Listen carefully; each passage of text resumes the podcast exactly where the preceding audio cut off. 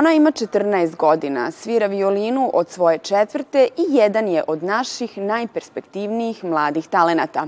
Do sada je osvojila preko 60 prvih specijalnih nagrada kao i laureata na raznim takmičenjima u zemlji i inostranstvu, a odsvirala je više od 300 koncerata. O jednom predstojećem govorimo na početku prve ovo nedeljne arterije. Iz emisije izdvajamo koncert violinistkinja Lane Zorijan i Staša Žikić na velikoj sceni Kolarca. Izložbu radova Vesne Pavlović Pažđerski u likovnom salonu Kulturnog centra Novog Sada. Priču o trenutno najplaćenijim hollywoodskim glumcima.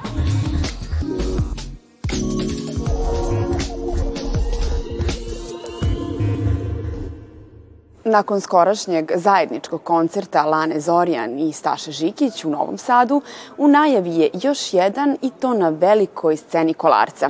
12. februara dve mlade violinistkinje nastupit će u pratnji pijanistkinje Natalije Mladenović.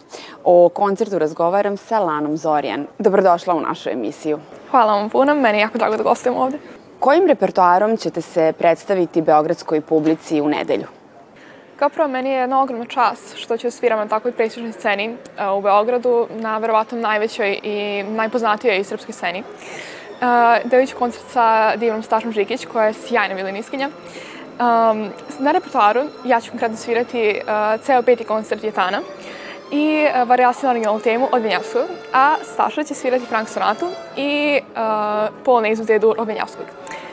Tako da, eto, mislim, ja se iskreno jako radam koncertu i ogromno je još jedan mi je čas što ću sviram. Nedavno si u izjavi za našu televiziju rekla da ti je jedan od omiljenih kompozitora upravo Vijenjavski. Po čemu se izdvaja od ostalih i šta je potrebno u izvođačkom smislu da bi se savladao jedan njegov komad? Meni je Vinjavski lično omiljeni kompozitor zato što obožavam te njegov spoj a, lirskih mesta, jel te, a, sporijih mesta, sa izrazito teškim tehničkim mestima. Um, Da bi se svirao neki njegov komad, mislim da je jednostavno potrebno iskustvo i vežba. I eto, mislim, komad koji ja sviram sad trenutno je Jelta Varijasana na ovom temu, su vjerovatno jedan od najtežih komada ikad napisano za violinski repertoar. Ali eto, mislim, vežbam, tako da ide skroz dobro za sada. Uskoro ćeš nastupiti kao solista simfonijskog orkestra Paradubice u Češkoj, a predstoji ti i snimanje za radio Vltavu u Pragu. Kako se osjećaš povodom toga? Kao laureat prošlogodišnjeg takmičenja Jaroslav Kocijan, koje je jedno izrazito prestižno svetsko takmičenje. Um, sviraću na otvaranju uh, ovogodišnjeg takmičenja Jaroslav Kocijan, jel da 65. godine takmičenja Jaroslav Kocijan, uh, kao solica sa simfonijskim orkestrom Pardubice. Nakon otvaranja, uh, gde ću svirati violinski koncert i tam peti, Uh, imaću za par dana još jedan koncert sa istim orkestrom uh, i istim programom u, u drugom gradu na jednom festivalu a dan posle ću snimati za Radio Vultavu. Uh, isto je tam peti koncert sa uh, kritikom Martinom Hajkovom. I zaista ja se iskreno jako radujem i ogromno mi je čast što ću uopšte da sviram generalno na koncertima i meni još uvijek nezamislivo da sam ja apsolutni pobednik, jel te laureat prošlogodišnjeg takmičenja. Hvala ti puno na izvojenom vremenu i u ime cele ekipe emisije Arterija želim ti puno sreće u daljem radu. Hvala vam puno.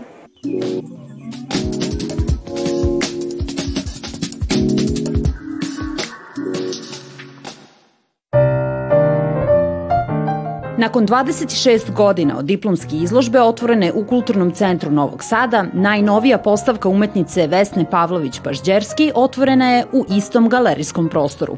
Pod nazivom Obostranom autorka je predstavila mešavinu svojih starijih i novijih radova, koji predstavljaju drugu etapu njenih doktorskih studija.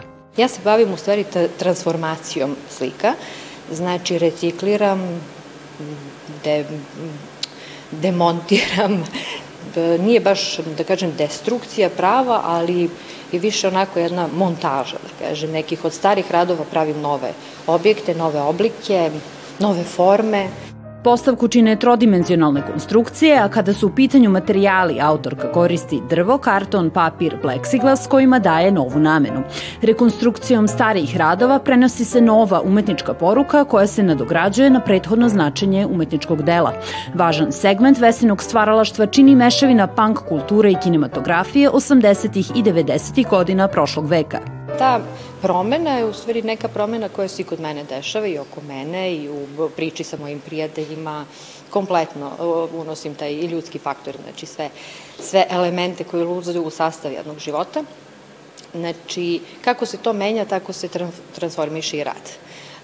Uglavnom, ovaj, iako ima nekih i ovako i radosti i tuga i raznih tih ovaj, elemenata koji nas prate, uopšte mislim sudbina kakva nam je, to nekako može da se čita iz mojih radova. Da li je moguće rekonstruisati stare radove ujedno zadržavajući njihovu suštinu i na koji način možemo stvoriti nove forme na osnovu ranijih umetničkih temelja? Odgovore na ova pitanja zainteresovani mogu videti u okviru postavke Obostrano, koja će biti otvorena do 27. februara.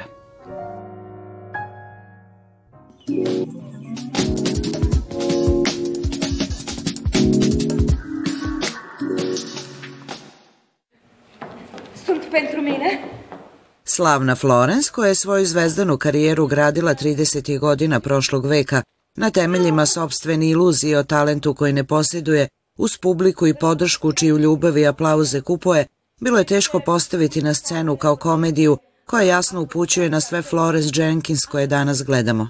Da napravimo jednu predstavu u kojoj će publika uživati, gde će se smejati, predstavu koja će biti zabavna i opet naravno sa pravom merom ukusa i svega, svega ono što treba da bude. Mislim, to je jedan e, dobar, dobra jedna komedija, jedan tekst koji ovaj, se bazira na toj priči o autentičnoj osobi, što naravno doprinosi svemu tome. Mislim da je e, Monika uradila i ovaj ne samo glumački, nego i taj muzički deo koji nije lak na stvarno na jednom visokom nivou kao i svi, svi glumci u ostalo. Glavnu ulogu tumači Monika Boldovina Bugle, koja se više no dobro nosila sa zahtevnim likom pevačke zvezde bez talenta.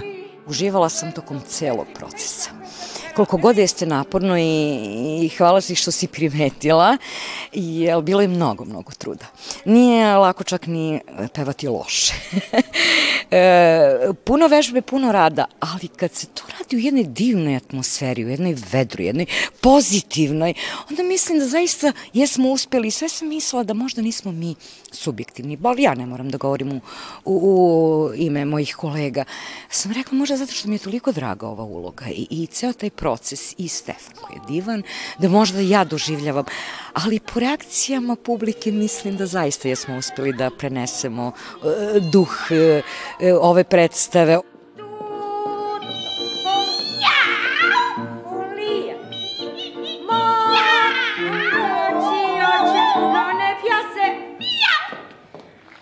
Publika je po postavci scene bila sastavni deo predstave i podsjetila na trenutak na paževe iz carevog novog odela, što je samo upotpunilo sveukupan doživljaj komade i poruke koju nosi.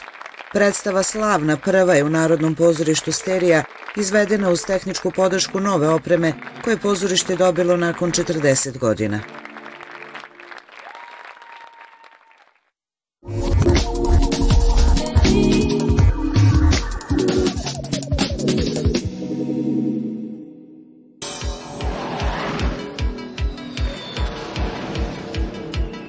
Ako ste se pitali ko je zauzeo vodeću poziciju na listi najplaćenijih glumaca sveta, a pratite sedmu umetnost, ne bi trebalo da vas čudi što je ona pripala Tom Cruzu nakon ponovne uloge Pita Maverika Michela u nastavku kultnog filma Top Gun, koji je prošle godine zaradio više od 100 miliona dolara već u prva tri dana bioskopskog prikazivanja u Severnoj Americi. Prema zvaničnim podacima, legendarni Cruz, jedan od redkih koji snima akcione scene bez dublera i specijalnih efekata, a koji je nakon prvog Top Guna prikazanog pre 36 godina dobio pravu pilotsku dozvolu i učinio Ray-Ban naočare planetarno popularnim, trenutno zarađuje neverovatnih 7091 dolar po izgovorenoj reči, odnosno 205.639 dolara za čitavih 10 sekundi dijaloga. Malo je poznato da Tom Cruise, nema cirac i engles po poreklu, ne dozvoljava da se njegov lik replicira i koristi u svrhe video igrica, te da iako ne prima standardnu platu, već uzima određeni procenat od filmske zarade, godišnje zaradi više nego što neki glumci zarade za ceo život, pa je tako samo na franšizi nemoguće emisije do sad zaradio više od 200 miliona dolara. Zvezda ostvarenja kao što su Jerry Maguire, Magnolia, Nebo boje vanile, Ratovi i zvezda, Nemoguća misija i mnogi drugi, sa 14 godina želeo je da bude sveštenik, ali je izbačen pošto je u školu bogoslovije uneo alkohol. Trenirao je rvanje, najbolji je vozač u Hollywoodu, a mnogi ne znaju da je nepoznatoj ženi poklonio 7000 dolara za lečenje. Podsjetimo na to da je prvi blockbuster Top Gun sa zaradom od 1489 milijardi dolara i budžetom od samo 170 miliona jedan od najprofitabilnijih filmova ikada snimljenih. Posle Toma Cruza na drugom mestu liste vrtoglavih zarada glumaca koju objavljuje sajt Kazumo, ne otkrivajući tačne metode izračunavanja, jeste glumac Kurt Russell sa 5682 dolara po izgovorenoj reči, dok je treće mesto zauzeo Johnny Depp sa 4877 dolara. I may have deserved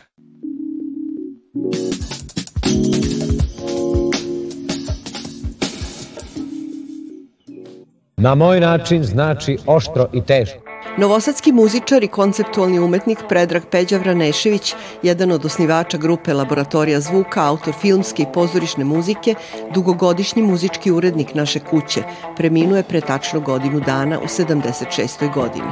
Tom prilikom njegov kolega, muzički urednik radiotelevizije Novi Sad, Bogomir Mijatović, izjavio je Peđinim odlaskom stavljen je ključ u bravu što se tiče Novog Sada kao važnog alternativnog muzičkog centra.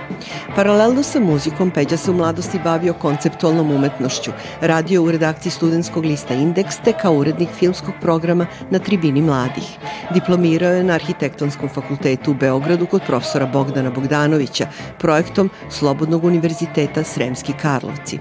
Najpoznatiji kao gitarista i Spiritus Movens laboratorije zvuka, rok sastava originalnog izraza koji je 1978. godine osnovo s bratom Mladenom, ovaj umetnik je punih 10 godina bio zaposlen u struci, odnosno kao arhitekta koji je doprinao urbanističkom razvoju rodnog Novog Sada. Predrag je sa bratom komponovao muziku za šest dugometražih filmova, od kojih je pet režirao Dragan Kresoja, a jedan Žika Pavlović. Sarađivo je sa rediteljima Karpom Aćimovićem Godinom i Želimirom Žilnikom, kao i sa rediteljem Jankom Baljkom. Sa rediteljem Želimirom Žilnikom Vranešević je bio koautor gastarbajter opere u Srpskom narodnom pozorištu, koja je sa velikim uspehom izvođena više sezona. Pisao je takođe muziku za pozorište, sarađujući između ostalih reditelja i sa Dejanom Mijačem, Dimitrijem Đurkovićem, Vidom Ognjenović, Palom Mađelim i Duškom Jovanovićem. Bio je naš kolega i prijatelj. Sutra u galeriji Forma biće otvorena izložba dvoje umetnika pod nazivom Paralelni svetovi. Pričamo o njoj, ali i drugim dešavanjima iz sveta kulture. Čekamo vas i u utorak u dobro poznato vreme. Do tada, prijatno!